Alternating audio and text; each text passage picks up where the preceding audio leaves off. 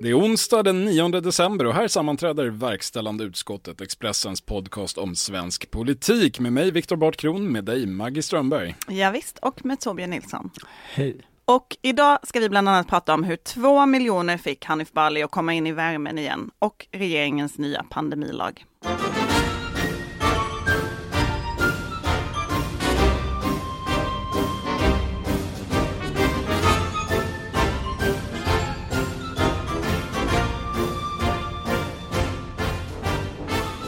Ja, vädret ute är jämngrått, men vädret i regeringen skiftar kan vi konstatera. Från uh, mörka moln, ösregn och uh, isande framtidsutsikter till solsken och framtidstro. Uh, vi har ju flera gånger pratat om regeringens pessimistiska anslag inför framtiden med coronapandemin. Ni har skrivit om det i ett stort reportage som fick mycket uppmärksamhet det känns som att de lyssnar på oss, tar till sig och eh, eh justerar vartefter. I fredags var det ju helt nya bud Absolut. kan man säga. Absolut. Vaccin betyder hopp. Ja, det var, där stod eh, Stefan Löfven och Lena Hallengren och var plötsligt skinande glada över eh, en bättre framtid. Till och med Johan Carlsson, Folkhälsomyndighetens egen IOR, försökte låta lite mindre avgrundspessimistisk än vanligt. Eh, såg lite ut som att någon stod och höll ett spjut mot ryggen på honom när han försökte liksom, tillkämpa fram lite optimism. Men ändå, ett ganska medvetet drag får vi väl ändå tänka. Det var ingen slump att det såg ut så här, eller? Eh, nej, absolut inte tror jag inte. Eh, det är ju inte bara vi som har skrivit och pratat om detta, utan det har ju varit det bärande temat hos eh, svenska politiska analytiker de men senaste vi var två tidiga. veckorna. Vi var som vanligt först. Men, men, är det inte en ganska bra plot twist här? Eller ett, kont ett, ett mysigt konträrt beteende? Vilket? Alltså, Först eh, jublar omvärlden över vaccinet och allt kommer gå tillbaks till hur det var innan alldeles strax kavalleriet kommer. Svenska regering och myndigheter pessimistiska. Sen kommer en del liksom jobbiga nyheter kring de här vaccinen. De funkar inte lika bra som man trott eller man vet inte. Det går inte att få fram så många doser som man sa först. Då betyder vaccin hopp för den svenska regeringen. Det är ju, det är ju någonting det är, är det inte någonting, jag, jag tycker ju om folk som säger emot, så är det, är det inte något lite trevligt konträrt beteende i detta? Eller är de bara lite off i sin timing? Nej, det, ja, det, det, är väl en rimlig utgångspunkt, men, men nu gick jag direkt på, på Nej, men det, det, det, kan ligga något i det du säger. Det, jag noterade precis det där, när samma dag som britterna liksom modifierade sin hejdlöst optimistiska prognos om att ha vaccinerat eh, varenda medborgare lagom till påsk och sa att nej, men det kommer ta lite längre tid än så. Då kom vår vaccinsamordnare ut och talade om att nej, men han har dragit tillbaka sin prognos. Vi ska vara klara med 5 miljoner till sommaren istället för till jul. Som vi, ja. Kanske är det så. Hur som helst, Socialdemokraterna spann vidare på det nya positiva temat och släppte en digital affisch med en varmt leende Stefan Löfven, en partilogotyp och texten “Vaccinet kommer att vara gratis”. Det framgick tydligt att det här är ett socialdemokratiskt vaccin. I alla fall i utgångsläget. Skulle det uppstå otrevliga biverkningar eller förseningar så lär det falla ett tungt ansvar på de moderatledda regionerna. Som vanligt. Men hur som helst. Det blir lite upp till bevis här, vi har pratat om det förut, men för den svenska modellen. Eh, och det verkar som att de, mm, kanske lite sent om sidor, börjar inse det. Det haglar presskonferenser om samordning mellan kommuner och regioner och, och stat. Jag tycker också det är härligt hur alla nu Eh, tar vaccinet för att då liksom använda det skamlöst i sin egen världsbild. Allt ifrån, det är jättebra med invandringen för att en invandrare har gjort vaccin. Just det, ehm, det en turkisk jätte... invandrare eller två turkiska invandrare i Tyskland. Det är jättebra med vinst i välfärden för utan vinst skulle vi ha ett vaccin då. Eller det är jättebra med eh, staten för att utan staten hade vi inte haft ett vaccin. Alltså eh, man kan applicera det på mycket.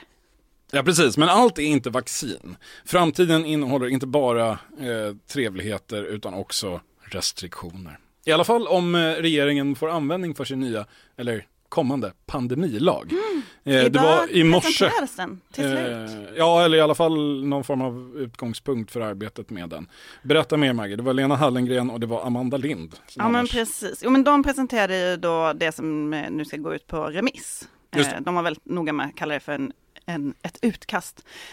Um, det handlar ju om att regeringen ska få större utrymme att styra olika verksamheter under pandemin. Ehm, det kan handla om begränsning av hur många som får vara på Emporia köp, stora köpcentret i Malmö. Eller det kan eh, handla om kollektivtrafiken, stänga ner olika delar av samhället. Mall of Scandinavia kallar ni det här i Stockholm. Jag, ja. jag noterade ditt eh, lokalpatriotiska ja, nej, smygreklamande. Eh, man tar alla sina chanser. Men det, det är liksom att regeringen ska Ullared få... säger man som Just ett svenskt begrepp. Ullared. Um, ska få möjlighet att göra allt det där som de har gått runt och sagt att de inte har kunnat göra under pandemin hittills. Uh, den är tänkt att, men inte reglera liksom privata hem. Du kommer fortfarande få göra vad du vill i ditt, din egen lägenhet, dock inte i din bostadsrättsförenings festlokal, för den kommer de kunna styra över. Mm. Uh, men uh, det är tänkt att träda i kraft den 15 mars, uh, lagen.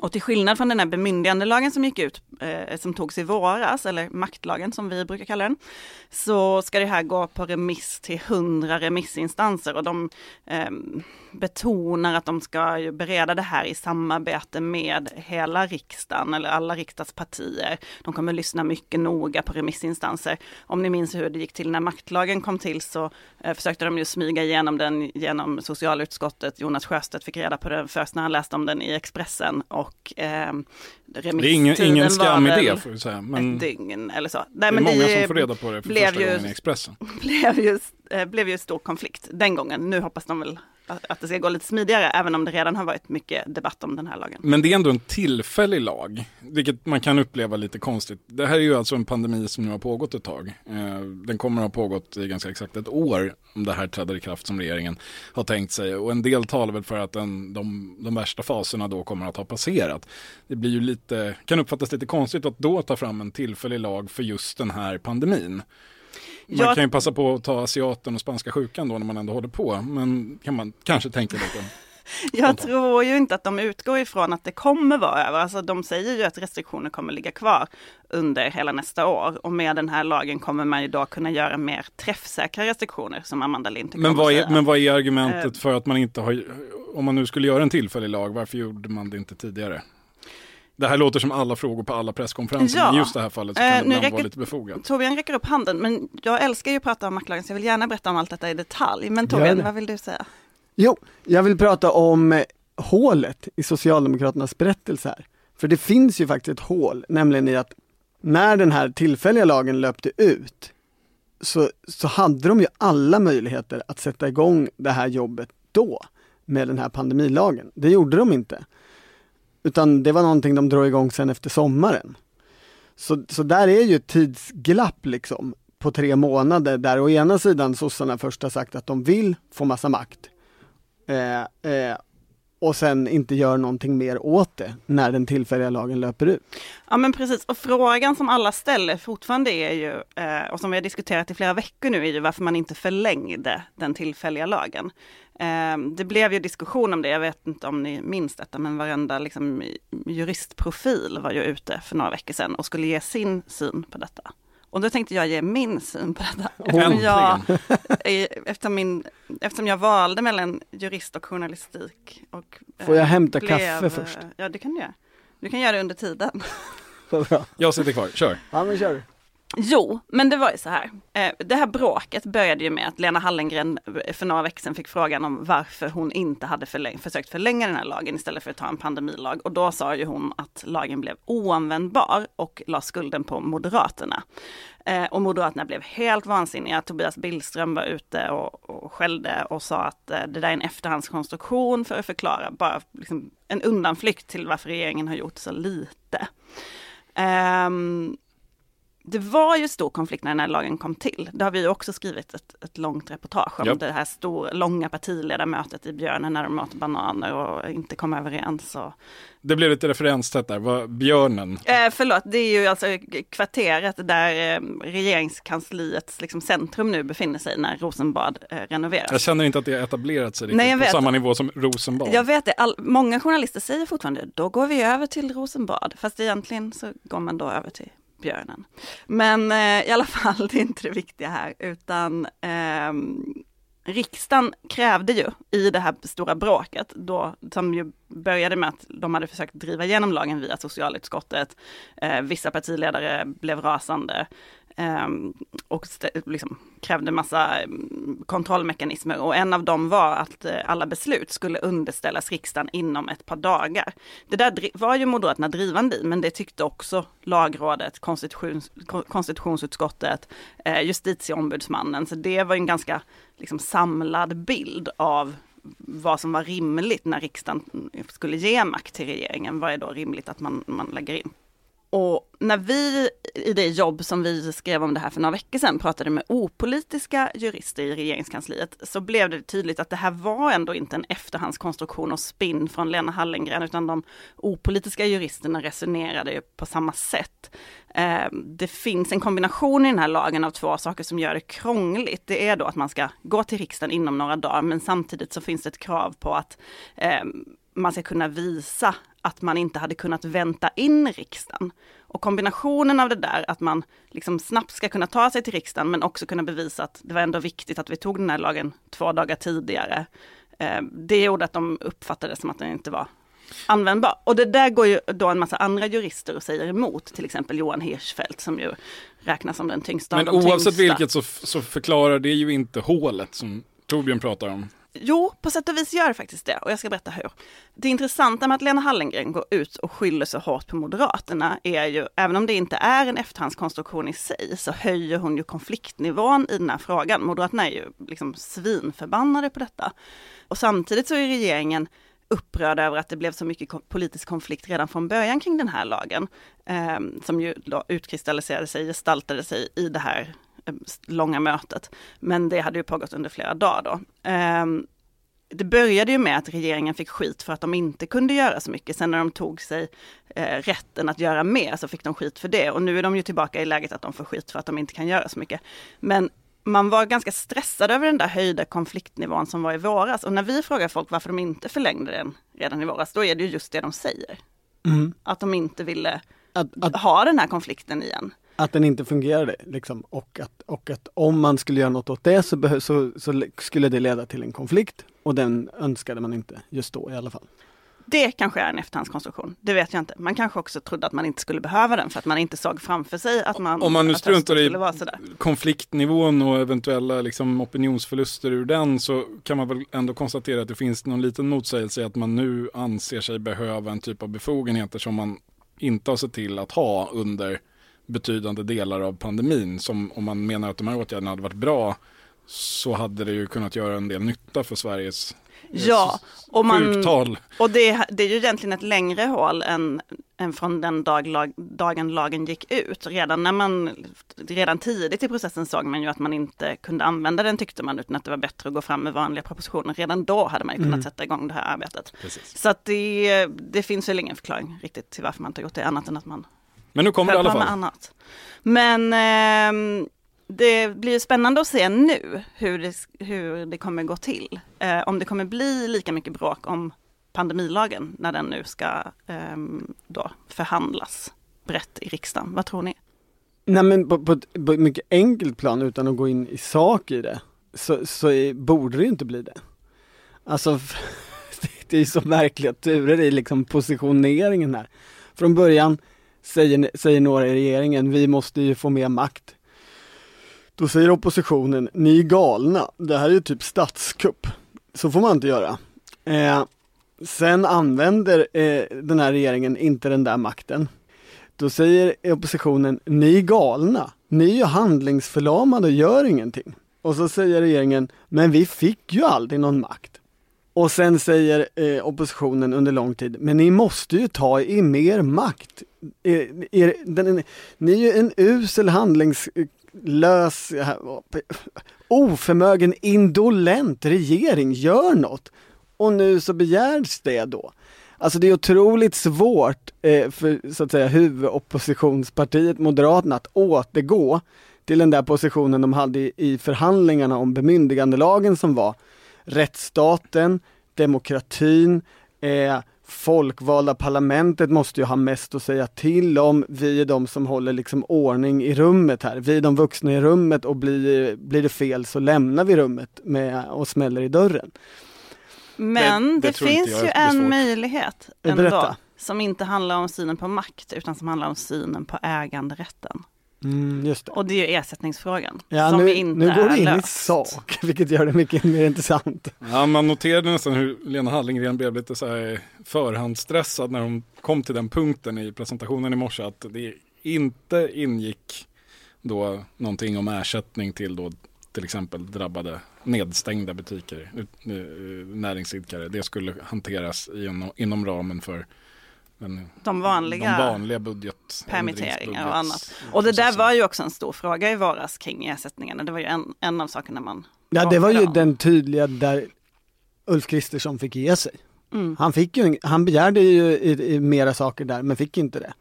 Eh, så, eh, så där gav han sig ju den gången. Men frågan är om man kan som opposition nu ta så stor strid för, någon, för liksom ersättningsnivån i den här lagen. Nej men det, det, det är ju, det är klart att är man eh, partiet Moderaterna så kan man ju ta en strid för äganderätten. Jo, jo, Alla men alltså det är ändå timmar, folk liksom. som dör. Ja, och det är ju det som de påpekar. Och de, de har ju liksom långsamt intagit en position som det måste till hårdare restriktioner och regler och, och ingrepp.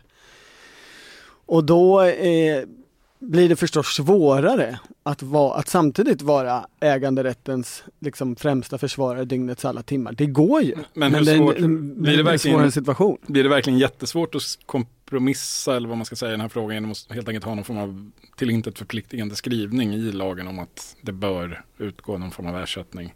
Sen behöver man kanske inte specificera exakta nivåer. Det tror jag är superkrångligt att göra. Tror bara du? Precis så. Ja. Eh, Men jag läste ju aldrig juristlinjen. Var är våra men- sakkunniga när vi behöver dem? Men jag- Var är är det juristerna? möjligas konst. Jo men jag tror att det just han, alltså det man faktiskt var överens om i våras var att det var väldigt svårt att formulera en ersättning i själva lagtexten. Och därför, det var därför det inte blev så också. Det tyckte även eh, juristpartiet Moderaterna att det var. Eh, tror jag. jag. Jag inser att när, så fort det här har sänts kommer min mobil fyllas av sms och olika lagtexter. Så vi får väl återkomma i frågan. Precis, de får återkomma till vår, eh, vår julspecial sen. I förra veckan så pratade vi om Statistiska centralbyråns eh, opinionsmätning som kom då och hur den var en tidig julklapp för Stefan Löfven och hans regeringsunderlag. Greppet tycktes eh, starkt om makten och i veckan så kom faktiskt en ny julklapp när SCB släppte sina fördjupade siffror, den partisympatiundersökningen. Och, eh, jag tänkte att vi skulle titta lite på andrahandspreferenserna. Oj, berätta vad det är. Alla Enklare det. vilket, eh, vilket parti som folk uppger som sitt näst bästa parti. Mm. Och vad det säger. Då har vi några saker som det säger. För det första, Socialdemokraterna har nu definitivt gått om Moderaterna som andrahandsfavorit bland Centerpartiets väljare. 25,6 procent av Centerväljarna eh, har Socialdemokraterna som näst bästa parti, 19,6 procent för Moderaterna. Det här kan låta jämnt, eh, men det kan jämföras med till exempel maj 2015 på Anna Kinberg Batras tid, eh, för den som eh, gillar att tänka så. Då hade drygt 40 procent av Centerväljarna Moderaterna som andrahandsval. Siffran för Socialdemokraterna var 6,9 procent. Så där ser det som eh, den anglosaxiska världen kallar för realignment ut i praktiken. Jag vet inte vilken den svenska översättningen Vad är som betyder bäst. det? Är det att man anpassar sig efter sin chef? Om, ommöblering, eh, jag väljer Det är inte att man följer sin typ. ledare mot S. Nej, men det är väl det som har hänt kan man väl konstatera. Eh, det, det är ju lite spännande, måste man ju säga. Det säger Verkligen. någonting om, eh, om liksom väljarkårens förskjutningar här. Jag tycker det eh, För Centern har ju ungefär lika många väljare nu som då, men de tänker annorlunda. är de andra personer också. Det Kanske, är en ja. annan fråga, men Ja. jag tror inte, inte i den utsträckningen som, som, som man kanske skulle tro. Nej men jag tycker att det här är intressant. Jag tänkte på, på ehm, när jag såg det här, för det, den där grafen eh, länkades runt på Twitter när det kom.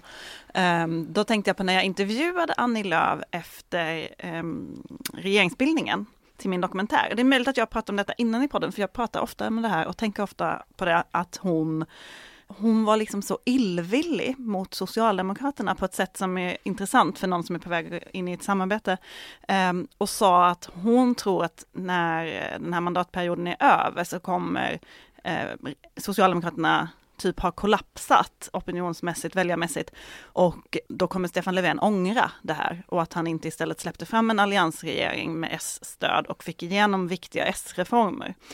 Eh, det här pekar ju på någonting helt annat, att det kanske är Annie Lööf som kommer få ångra att hon gjorde sina väljare till socialdemokrater. Ja, eller någon form av hybrid, att Socialdemokraterna blev Folkpartiet och Annie Lööf eh, kände sig hemma med socialdemokrater. Att det skedde någon form av sammansmältning från båda håll är väl kanske något som, men, det, men ja, det är intressant att påminna sig om hur det faktiskt lät, för det är inte fullt så länge sedan, det är inte ens två år sedan. Nej men eh, en, i den där regeringsbildningsprocessen så var ju liksom ett argument inne i Centerpartiet för de som var emot eh, liksom idén att förhandla med socialdemokrater och rätt mycket ute i samhällsdebatten där att gör vi det här, nu är vi, jag är centerpartist nu alltså, har jag påtagit mig den rollen. Gör vi detta så tvingar vi ju fram framväxten av ett helt annat typ av högerblock. Vi tvingar ju eh, Ulf, våran kompis, att, i famnen, i famnen på Jimmy Åkesson och vad det liksom och sen är, blir det dynamiskt och det är det man ser nu på något sätt att, att Även om det argumentet nödvändigtvis inte var eh, rätt och riktigt, jag vill säga det nu när jag lämnat min Centerpartikostym, så, är, så sker det liksom en dynamik här. Sen har ju den pågått liksom. Min favoritmätning som är ungefär samma sak som det där är ju liksom eh, vallokalsundersökningen från eh, både senaste EU-valet och senaste riksdagsvalet där man, eh, där Centerpartiet, eh, deras väljare, listar sakfrågor. Och liksom så här klassiska eh, Centerpartifrågor som företagandets, företagsvillkor och skatter och sådana grejer kommer jättelångt ner. Det är inte Centerpartiets väljare intresserade av och var inte redan för två år sedan. Utan de var intresserade av feminism. Och du, det, jag trodde det skulle komma fler saker där. Nej, jag kommer inte ihåg de andra i huvudet, det är den som har fastnat. Men det är liksom, det är toppen. Men det eh, är ju galt, galtanfrågor. Ja, och det är mm. Eh, otroligt liksom, ja det, det är långt ifrån Torbjörn Fälldin om man säger så. Men man undrar ju också om detta gör att eh, Socialdemokraterna nu ser en möjlighet att dra väljare över den gamla blockgränsen. Att det finns ett, en, en potential här för en framtid där man inte behöver Centerpartiet för att man kan ta deras väljare istället. Det har ju varit långt borta tidigare för S. Så skulle man kunna tänka, sen ska man väl kanske komma ihåg att Centerväljare, även om det låter mycket att eh, var fjärde Centerpartiväljare har Socialdemokraterna som andrahandsval, får man komma ihåg att Centerpartiväljarna är inte så många. Även om det låter så när Centerpartiet pratar. De har väl 7,6 procent eller något här, det vill säga var fjärde, det är inte ens 2 procent av väljarkåren det handlar om. Så det är klart att det vore ett välkommet tillskott för Socialdemokraterna om de kunde locka över dem, men det löser inte det strukturella problemet i sig. Hur som helst, mm. apropå op oppositionens vedermödor då, Eh, ska det bli något regeringsskifte, ja då måste ju som läget är mycket riktigt eh, Moderaterna, Kristdemokraterna, Sverigedemokraterna sidan vinna eh, någon form av majoritet eh, på det ena eller andra sättet, exempelvis genom att ta väljare över den nya blockgränsen. Right? Rimligt. Det ser ganska tufft ut då. Och inte bara på grund av det här med att Moderaterna har tappat som andrahandsval för Centerpartisterna. Det har ju funnits en bild ganska länge. Eh, vi har säkert alla bidragit till den på ett eller annat sätt och den har väl liksom en relevans historiskt sett att eh, potentialen som finns är för Sverigedemokraterna att vinna socialdemokratiska väljare. Men ser man till den här mätningen så ser den potentialen försvinnande liten ut. Av socialdemokratiska väljare så är det bara 3% 3,4% som har Sverigedemokraterna som sitt andrahandsval. Det är en väldigt låg siffra. Ehm, det är faktiskt betydligt fler Sverigedemokrater som har Socialdemokraterna som sitt andrahandsval, 7%. Ehm, så den, den, potentialen är liten och detsamma gäller eh, Sverigedemokraternas och Kristdemokraternas potential överhuvudtaget att ta väljare av några andra partier än varandra och Moderaterna. De som har är ni med på hur jag, hur jag menar? Absolut. Ja. Ja, det är bara när du säger siffror så låter det som ett Men, typ. men det där är ju den nygamla borgerliga kannibalismen. Ja, men det finns då ett undantag och det, det har pratats ganska lite om. Vilket, de som verkligen har enligt den här mätningen potential att dra väljare över den nya blockgränsen, det är ju Moderaterna. Eh, det är trots allt ändå en femtedel av Centerväljarna som fortfarande har Moderaterna som andrahandsalternativ. Eh, var tredje liberalpartiväljare det är väldigt få. Eh, men ändå. Det är få mm. Eh, till 100 procent, ungefär 30 procent, men det är ändå några. Eh, och faktiskt drygt 10 procent av de socialdemokratiska väljarna har Moderaterna som sitt andrahandsalternativ. Och det här är alltså skyhögt över någonting som Kristdemokraterna och Sverigedemokraterna kommer i närheten av. Det här borde ju påverka hur man agerar i det här blocket och kanske framförallt från moderat håll. Men hur? Ja, Nej, men hur, vi säger, Sverige, diskussionen har handlat väldigt mycket om, jag ska precisera frågeställningen. Diskussionen har handlat väldigt mycket om hur Sverigedemokraterna ska göra djupare inbrytningar i LO-kollektivet. Hur man ska vinna LO-kvinnorna, mm. där är nyckeln. Det ser ganska tufft ut. Om, om potentialen istället är att Moderaterna ska vinna väljare mm. från Centern och sossarna, då, då är det kanske en annan Men typ av är, fråga som ställs. Är det här en, någon slags pandemieffekt, alltså de stora partiernas revansch?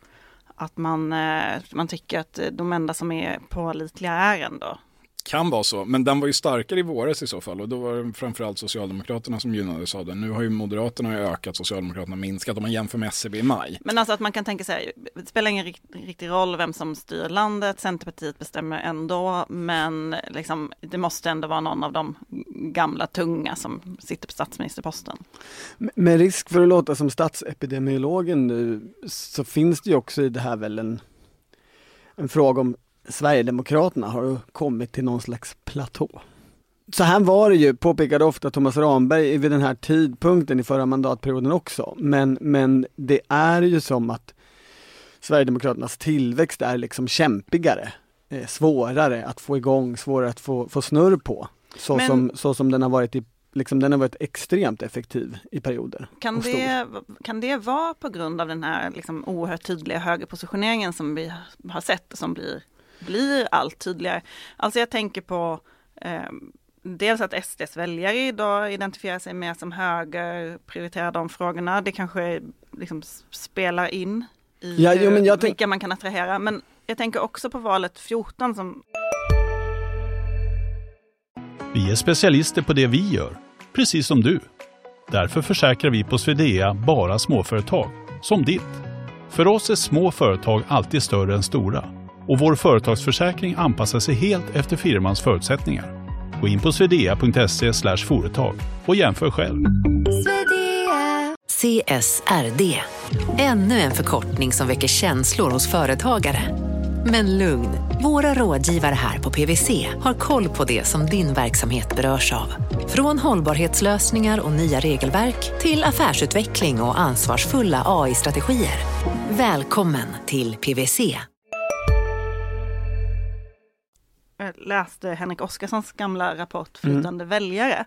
Och där skriver han att just vinst i välfärdsfrågan var viktig för dem som gick från S till SD i valet 2014. Besvikelsen över vinsterna i välfärden var, var viktig eh, och att SD sågs som ett som ett vänsterparti på många sätt.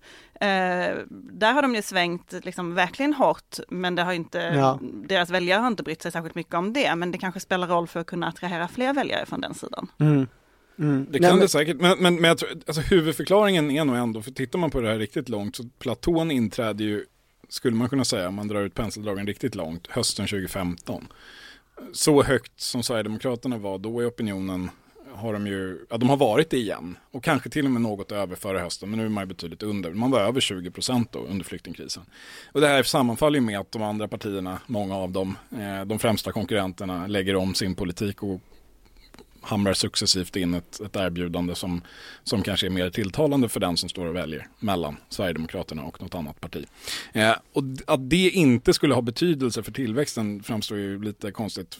Medan de är ensamma om att driva en politik så växer de nästan exponentiellt i 20 år. Eh, de andra partierna eh, närmar sig politiskt om man så vill eh, tillväxten stannar av. Det, det, är ändå en långsiktig trend som jag tror är väldigt svår att bortse ifrån om man ska försöka söka den enkla lösningen. Men då betyder det att du nu sätter punkt i diskussionen om det är bra eller dåligt att ta, hand om, ta över politiken ifall det eh, legitimerar eller Huruvida det är bra eller dåligt beror väl helt på hur man, vad man ja, har för politiska utgångspunkter. Men ur ett partistrategiskt perspektiv. Ja, men jag har tyckt alltid att det var en väldigt märklig eh, tanke att man skulle, liksom, det, ingenting talade ju för att den, den tidigare strategin var, var elektoralt framgångsrik, om det nu var det man var ute efter.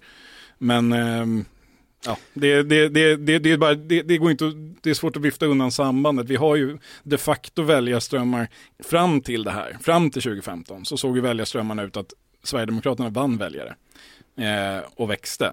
Och ibland vann man, eh, ofta vann man från Moderaterna, ibland vann man från Socialdemokraterna. Efter 2015 så ser vi hur Sverigedemokraterna har normaliserat som parti. Man vinner väljare i perioder, man tappar väljare i perioder. Man har gått uppåt, man gick uppåt i valet, absolut, men opinionen har ju gått lite fram och tillbaka som för ett normalt parti. Folk överväger Sverigedemokraterna men landar någon annanstans. Så såg det inte ut förut. Det var en avgrund man hoppade över och man tittade inte tillbaka. Så, mm. Sen är det ju fortfarande ett väldigt stort parti kan man ju komma ihåg. Men det, Ja, eh, förlåt, det var ju jag som drog oss in på det här stickspåret med, med Sverigedemokraterna, men, men Viktor ställde ju en fråga här om vad Moderaterna kan göra för att dra väljare över den nya blockgränsen. Jag tänker så här att till att börja med så är frågan hur pass yrvakna man är. Alltså lite av den här idén med liksom detta block som inte ska benämnas block var ju att det fanns ju en automatisk nästan majoritet det var ju i princip redan klappat och klart. Så löd ju kringargumentationen. Och eh, om Sverigedemokraterna då inte liksom ger biljetten in till Rosenbad direkt så är ju frågan hur pass liksom välförberedd det moderata partiet är på en situation som den. Alltså har man reformförslag, har man en, en liksom politik att rulla ut? Och det tänker jag det är vad som återstår att se närmsta året. Ja, vi får se hur de lyckas med det. Vi har några saker till i den här mätningen om andrahandspreferenser som jag ändå tyckte var intressant att ta upp. Ehm, jag tänkte vi skulle titta lite på krispartierna och deras räddningsplankor sett ur det här perspektivet. Och då för Miljöpartiet är det ganska enkelt. Svaret är rödgrön kannibalism. 25 procent av Vänsterpartiets väljare har Miljöpartiet som näst bästa parti. 13 procent av Socialdemokraterna har Miljöpartiet som näst bästa parti. Det där kan låta lite, men de socialdemokratiska väljarna är ganska många. Nästan 30 procent av väljarkåren i den här mätningen, så 13 procent icke att förakta. I övrigt så är det inga stora siffror för Miljöpartiet. Så det var kanske inte så konstigt att det var Per Bolund som var ute och öppnade dörren om att släppa in Vänsterpartiet i det här samarbetet. Nej, även om de alltid väl typ har tyckt så. Men, Nej, ja. Precis, det fanns kanske andra skäl också, men de, det, här, det talade i alla fall inte emot. Dock, Liberalerna har det som vanligt värst. 23% av Centerväljarna, 5% av de socialdemokratiska väljarna och 14% av moderatväljarna har Liberalerna som sitt andrahandsval. I övrigt är det små siffror. Och det är klart, det här finns det en andrahandspotential, det gör det. Men den som är lite kvick på överslagshuvudräkning borde komma fram till att det blir ungefär lika stor potential på den vänstra sidan av den nya blockgränsen som på den högra. Vilket i så fall är besvärligt eftersom det Liberalerna mest av allt grubblar på just nu är hur man ska positionera sig i regeringsfrågan för att garantera sin existens i riksdagen. Eh, och det, det, låter alltså problematiskt. Det är ännu värre. Eh, det är exakt lika stor potential på båda sidor. Jag har nämligen räknat på det här. Eh, så noga som det överhuvudtaget gick. Så här är då, eh, det här fick jag då fram efter eh, en god stunds med miniräknaren. Om alla som sympatiserar med Socialdemokraterna, Centerpartiet, Miljöpartiet eller Vänsterpartiet i första hand och har Liberalerna som sitt andrahandsval faktiskt röstade på Liberalerna, då skulle det betyda motsvarande 3,37 procentenheter extra eh, för Liberalerna. Eh, avrundat 3,4. Stort jubel och fest då alltså. Verkligen. Men om alla som stöttar Moderaterna, Kristdemokraterna och Sverigedemokraterna i första hand och har Liberalerna som andrahandsval skulle rösta på Liberalerna vad tror ni de skulle få då extra? 3,4 procentenheter. Stort jubel och fest då också. Det är alltså sånär som på en andra decimal lika eh, stor potential på båda sidor om den nya blockgränsen. Ett nästan fascinerande dödläge. Då, då, då kan då eh, de som argumenterar för, för att gå till höger kan ju peka på att det, det finns ju en, ändå större chans till stödröster från, från eh, borgerligt håll. 0,03 då eller? Nej men det, ja, jo det är visserligen men att det finns ett, det, det är mer ja, moderata mer väljare efter. som har en mer av en vana mm. som i grunden, även om de inte har det som andrahandsval just nu, kanske gillar Liberalerna bättre än vad, än vad socialdemokratiska väljare traditionellt gör. Det finns någon slags grundsympati Men, det finns såklart ett men även till det. Eh, det förefaller vara större risk att förlora bland de få man har, eh, baserat bara på den här mätningen, eh, på en högersväng. Det är nämligen så att av de 3% som idag uttrycker att de har Liberalerna som förstahandsval, ni är med mig? Mm, mm, mm. Eh, så har över hälften, nästan 60%, som andra bästa parti Centerpartiet, Socialdemokraterna eller Miljöpartiet. Det förefaller alltså som att eh, den, den lilla, lilla väljarkår man har kvar lutar mer åt januarisamarbetet än åt eh, Kristersson-hållet. Det är inte lätt. Eh, det var inte lätt att vara liberal innan det här. Det är inte lättare nu.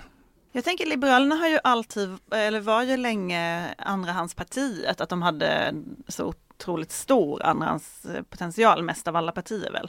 De lyckades väl aldrig, aldrig göra så mycket av det dock. Det var som att de alltid gick och gnällde över de där väljarna de hade inom räckhåll men inte fick. Men de fick dem väl, men sen gick de någon annanstans igen. Det var väl ett ständigt flöde genom partiet. Folk stannade. Det var väl det, det där politikens det. halsberg. Precis, man röstade ett ja, val. Och, och sen kom man inte ihåg det. gick man vidare. Så inget svar på, på Liberalernas existentiella fråga här och det var egentligen slutsatsen. Vill du läsa mer av det som Expressens politikredaktion, det vill säga vi som är med i den här podden, har gjort, så kan man eh, skaffa Expressen Premium med en särskild rabatt för att man lyssnar på verkställande utskottet. Det är precis lika bra som det låter. Eh, obegränsat egentligen med läsning från eh, förr, nu och framöver Eh, från oss och alla andra på Expressen ska sägas. Eh, erbjudandet för dig som verkställande utskottet lyssnar hittar du på expressen.se expressenpolitik. Eh, så är det mycket billigare än vad det annars hade varit. Expressen.se expressenpolitik. Ta det nu innan någon annan gör det. Verkställande utskottets sammanträde har kommit fram till punkten övriga frågor. Det har kommit nya uppgifter om Centerpartiets Fredrik Federley i veckan. Enligt Dagens Nyheter så var det lokala centerpartister i Dalarna som larmade till partiledningen och SVT har avslöjat att det har skickats ett brev till Annie Lööf och partisekreteraren Mikael Artursson med information om att Fredrik Federley ska ha känt till den här brottsligheten som hans närstående har begått eh, sedan i juni i år. Men att eh, Fredrik Federley också ska ha sagt till folk att han är har varit oskyldig, eh, sambon. Eller före detta sambon. Eh, och det har ju varit lite av den punkt som har varit eh, liksom, det man har undrat mest över är hur länge har han känt till det här och hur har han agerat på det? Ja, en del av rapporteringen så framgick det, eller framstod det eh, lite som att han fick reda på det här och då eh, separerade de. Och i så fall hade det inte varit en fråga om något annat än kanske möjligen otur i kärlek. Men nu verkar det inte riktigt vara det det är. Det finns också fler komplicerande uppgifter. Att Centerledningen har eh, fått uppgifter om att det har lämnats in en anonym orosanmälan och att Fredrik Federley i samband med det ska ha antytt att hans kontakter på Säpo har kunnat ta reda på vem den här anmälan kommer ifrån och att de som skickar det här brevet då ska ha upplevt det som hotfullt. Det gäller ju eh, sexbrott mot barn eh, det här och det är ju eh, eh, som vi redan sa förra veckan, eh, anklagelser som är svåra att komma tillbaka till politiken från, även om det inte är han själv, utan då en närstående som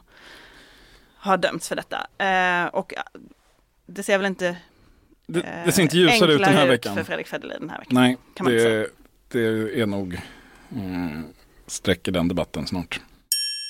Ja, ni har väl inte missat att eh, det är ett nytt eh, medieprojekt på gång under ledning av Paulina Neuding som heter Bulletin. Eh, nej det, nej, nej, det har varit svårt. Det har varit väldigt svårt. Det, jag, jag, känner så här, in, förhandshypen slash kritiken har inte varit så stor sedan Ajour lanserades. Eh, och jag undrar om det blir samma känsla när Bulletin till slut lanseras som när Ajour eh, eh, la ut sin blogg där de skrev lite olika inlägg varje dag. Men, eh, det, här, det här är ett mycket det, gammalt ett... projekt som är väldigt, väldigt svårt att förstå för eventuellt nytillkomna internetanvändare. Eh, men, så vi kanske inte ska gå in på detaljerna om ajour, men det, Det, hade, det hade ingenting med... underbart. Det skulle vara ett banbrytande projekt som bröt alla eh, tidigare journalistiska dagar. gränser som fanns. Det, det, det, det, mest intressanta vi någonsin har gjort och så ja. Det var tunga namn, det var Emanuel Karlsten, stora journalistprisvinnare i år, det var Sofia Miriamsdotter bland annat, det var eh, ett gäng andra som har gått vidare till, till, till Som har gått vidare och försökt sopa igen spåren så gott det eh, Men eh, det... Och så var det en Wordpress-blogg. Ja, som det... dog ganska snabbt. Ja. Men eh, Bulletin har ju eh, eh, snart eh, anställt eller rekryterat hela, all, varenda svensk högerprofil som finns. Nästan. Eh, nästan. Ehm, är detta bra tror ni? Är det rätt strategi? Det är ju svårt att uh, ha någon uppfattning om det här innan det har lanserats, även om det inte hindrar särskilt många i den svenska offentligheten hittills. Aftonbladet Kultur har skrivit minst två. Nej, jag, jag kollade faktiskt. Uh, Aftonbladets kultursida har nu varnat för Bulletin i tre stort uppslagna texter inom loppet av tre dagar. Aftonbladet är alltså Sveriges största tidning med fem miljoner läsare om dagen. Eh... Expressen har inte varit återhållsamma heller i sin... Nej, det, det, det, det kan väl försvaras med att det mest varit nyhetsrapportering. Eh, det finns något i det här som, som men det finns något, alltså vänstersidan av Twitter har ju kokat hela hösten kring det här. Alltså det finns något sånt här Paulina Neuding derangement syndrome inblandat. Hon har en eh, fantastisk förmåga att sätta griller i huvudet på, på sina eh, på sina liksom, fiender. Där, det, derangement syndrome, det, det förknippas kanske nu mest med Trump, men det var något som myntades som George Bush en gång i tiden. Eh, det var Charles Krauthammer, Washington Posts konservativa kolumnist, som han, han, beskrev det som the acute onset of paranoia in otherwise normal people in reaction to the policies the presidency Nej, the very existence of George W. Bush. Senare använt av många andra, bland annat det irrationella motståndet mot Barack Obama. Vi har inte så många toppolitiker som skapar de här känslorna hos folk i, i, i Sverige, eh, tänkte jag på då. Annika Strandhäll. Möjligen. Hanif Bali. Ja, Hanif Bali, men toppolitiker. Linda Snecker. Ja, ja, Aha, partiledare, Ebba Busch. Kanske, ja. men ändå inte riktigt ändå. Alltså det, det, finns några opinionsbildare tänker jag som, som har den här förmågan. Anders Lindberg på Aftonbladet ja. är en. Göran Greider. Ja. Jo, Tro mig, jag har jobbat på Godmorgon Världen. Men jag tänker Anders Lindberg kan skriva en tweet om att det är sol ute och sen så sitter 75 heltidsanställda högermän ja. och rasar i en vecka. Ja, det är eh, Hanif Bali har liknande förmågor, eh, men ingen så mycket som Paulina Neuding. Alltså hon kan få vanliga gråsossar att försvara slagsmål på kommunala bibliotek eh, bara för att hon är emot.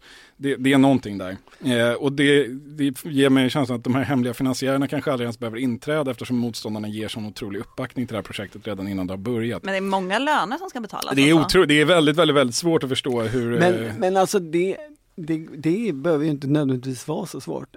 Alltså inte med mängden gratis textreklam som samtliga, alla, samtliga medieaktörer i övrigt i Sverige ger. Ja, även Dagens Nyheter har ju faktiskt eh, liksom rapporterat om det från politikredaktionen också. Till och med.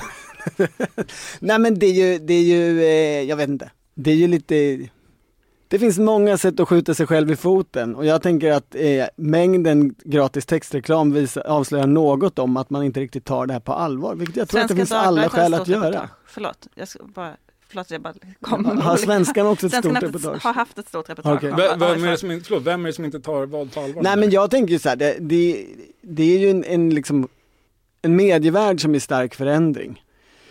Där överhuvudtaget liksom idén om att eh, opartiskhet, försök till oberoende, eh, nå en bred målgrupp prata till människor som både är höger eller vänster som helt enkelt bara kan vara intresserade av upplysning.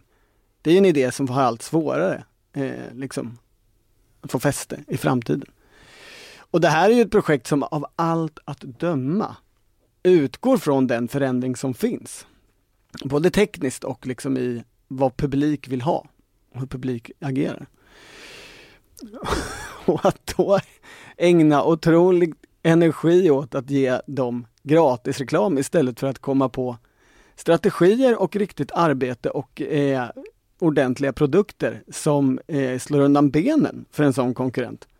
Det tycker jag verkar lite korkat faktiskt. Jo, det, det är väl svårt att invända. Men det är bara det. jag. Sen kan man ju diskutera, det, det, är ändå det är intressant som du säger, om det nu är i den i det sammanhanget, i den, den, den liksom prognosen om framtidens medievärld som man, som man startar, så, så, har det väl en viss logik. Den mer traditionella spaningen är väl att det framstår som komplett vansinne ur opinionsbildarperspektiv att plocka alla tongivande, eh, då kanske liksom, blåmoderat lutande eh, debattörer från de stora plattformar de har ute i offentligheten och sätta dem på en och samma sajt som bara kan ha en representant i Godmorgon Världens panel. Eh, och så ska de skymma varandra. Och ja, det blir lite som när Henry Kissinger för... inte visste vem han skulle ringa i Europa. Liksom. Vem ringer man om man vill prata med svenska konservativa? Liksom, man ringer Bulletin, men vem ringer man då? Liksom? Men, men istället för tio texter på liksom, den stora händelsen som skedde så kommer det nu bli en. Om inte alla på Bulletin ska skriva om samma sak. Det kan det. ju vara någon så här, bara flood, eh, alltså överflöda offentligheten med eh, på det sättet. Men det gör man ju redan i så fall. Det är det, som är, det är det som är svårt att förstå, men man får väl utgå från att någon har tänkt på det här. Och i så fall kanske i något i linje med det Torbjörn filosoferar kring.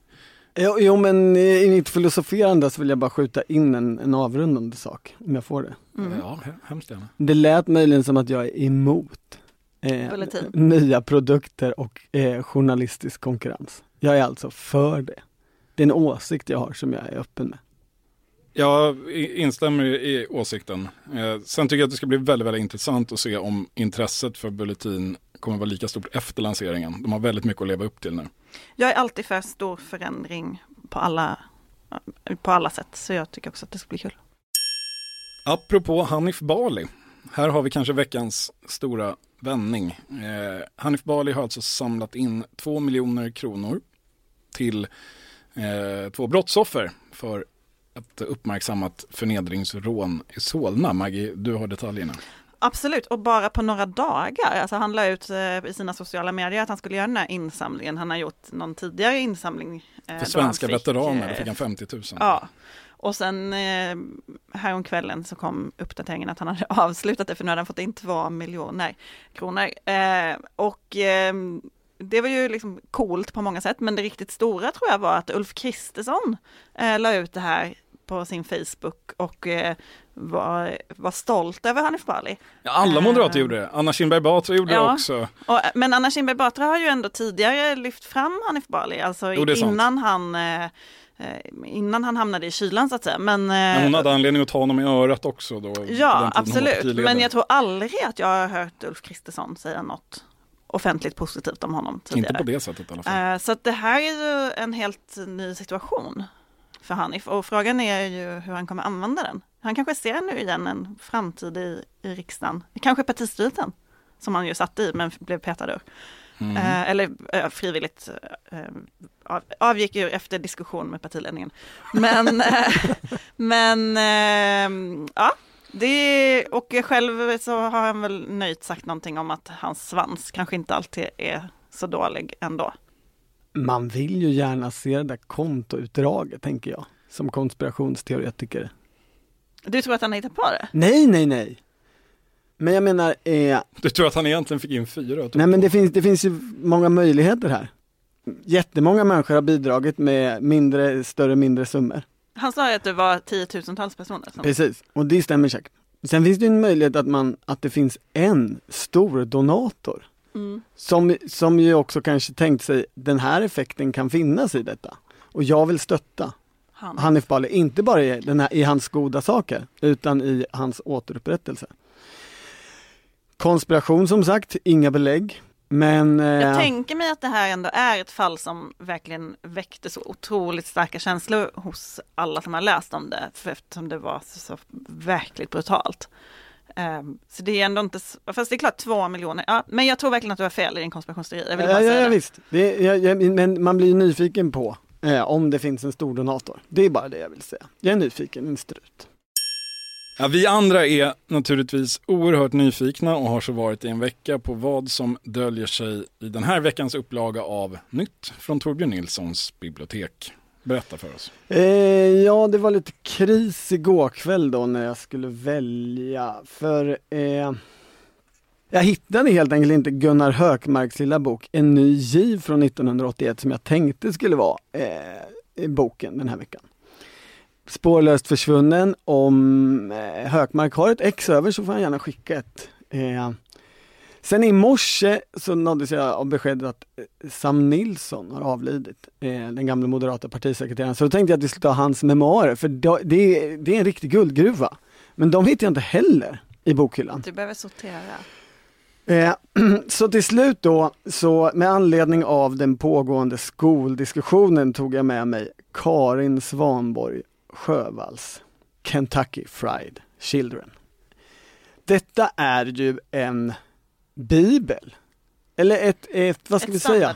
Ett standardverk. Eh, för liksom historieskrivningen över valfrihetsrevolutionen. I alla fall för den borgerliga historieskrivningen, så ska vi väl säga. För läser man den så är den ju Det är ju så att säga, säga klang och jubelberättelsen om hur vi vann. Hur vi är utklassade, den där usla sossestaten. Släppt något år före Karema eller? Släppt 2010 tror jag. Ja, men exakt ett år. Eh, och det, det var ju som att det var 12? liksom den definitiva slutpunkten på själva valfrihetsrevolutionen. Eh, sett i efterhand kan man ju se det, kanske.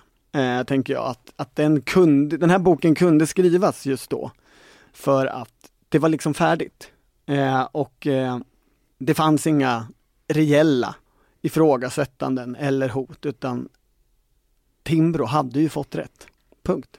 Mm. Och eh, det här var innan eh, Karin Svanborg Sjövall var Timbrochef. Så det här var väl också hon lite... Hon var väl välfärdsansvarig på Timbro tror jag, när hon ja. den, eller hon var det i alla fall. Jag tänker att det blev hennes förklara... ansökan till ja, chefsjobbet. Kanske ska förklara titeln här. Ja, eh, det var ju Olof Palme, som vanligt, som hånfullt sa om Pysslingen, första förskolan, första privata initiativet i förskola.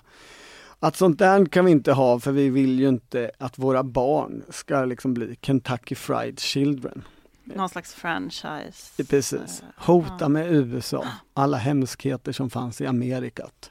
Mm.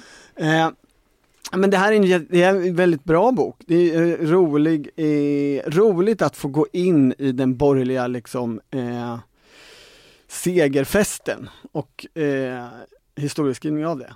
det. det. finns bland annat eh, fantastiskt stickspår, tycker jag, eh, som, som liksom handlar om eh, opinionsbildarinsatserna från näringslivet med Karl-Henrik Winkvists hemliga byrå och Svenska managementgruppen och så småningom då MAS. Alltså det bästa med det där är ju hur, vilket språk som fanns på 70-80-talen. Man bildar alltså något som heter Svenska managementgruppen. Vad är det för någonting? Det, det låter ju, det, det låter ju, M-gruppen. Jag vet inte om det är värre än, än hur det är nu faktiskt. Men... Nej, alltså, alltså hur fackförbund idag heter är ju, är ju en gåta för, för mänskligheten. Men, men vadå, man har, man har alltså en utredningsbyrå som, som ska göra rapporter och underlag till riksdagsledamöter. Den, den kallas till slut för Hemliga byrån. Tycker jag lite jag tyckte, jag tyckte litterär potential ja, ändå. Okej, okej. Okay, okay. de hetat idag, Akavia. Jag släpper det. Jo men, eh, men, men jag tycker att i den här boken som ju är fylld av ganska starka adjektiv och sådär som man, som man får acceptera, eh, så är den mest spännande saken faktiskt just det där att den är skriven när den är skriven. Jag ska se eh, här på eh, i avslutningen av, av, sin berättelse om valfrihetsrevolutionen eh, så, så, så, skriver Karin Svanborg Sjövall så här. Då befinner hon sig i samtiden. Eh, 2010. Ger man kritikerna rätt i att valfriheten har gått för långt undergräver man den mödosamma historiska framgång som reformerna har inneburit för att förborgerliga det svenska folkhemmet. Man sågar också successivt av ett av de bärande benen under alliansens gemensamma plattform. Valfrihetspolitiken är en viktig underliggande berättelse i den borgerliga samlingen. Och det där tycker jag lite spännande idag. När det nu pågår liksom full diskussion om särskilt svenska skolor och det överhuvudtaget inte finns någon borgerlig samling och det inte finns någon allians.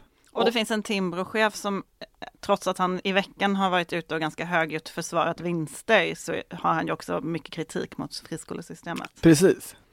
Benjamin Dosa. Och jag tänker att denna stund när detta diskuteras, eh, vi ska inte ta den debatten eh, och referera den nu, men då tänker jag att det kan vara nyttigt att läsa den här segerberättelsen, som ju trots allt inte är äldre än tio år, och tänka på att det kan gå rätt fort i politiken ändå.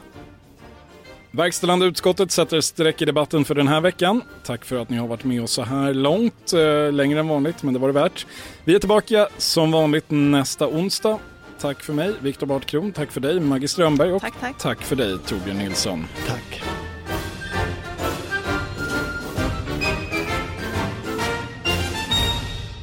Du har lyssnat på en podcast från Expressen. Ansvarig utgivare är Klas Granström. Just nu pågår vår stora season sale med fantastiska priser på möbler och inredning. Passa på att fynda till hemmets alla rum, inne som ute, senast den 6 maj. Gör dig redo för sommar. Välkommen till Mio.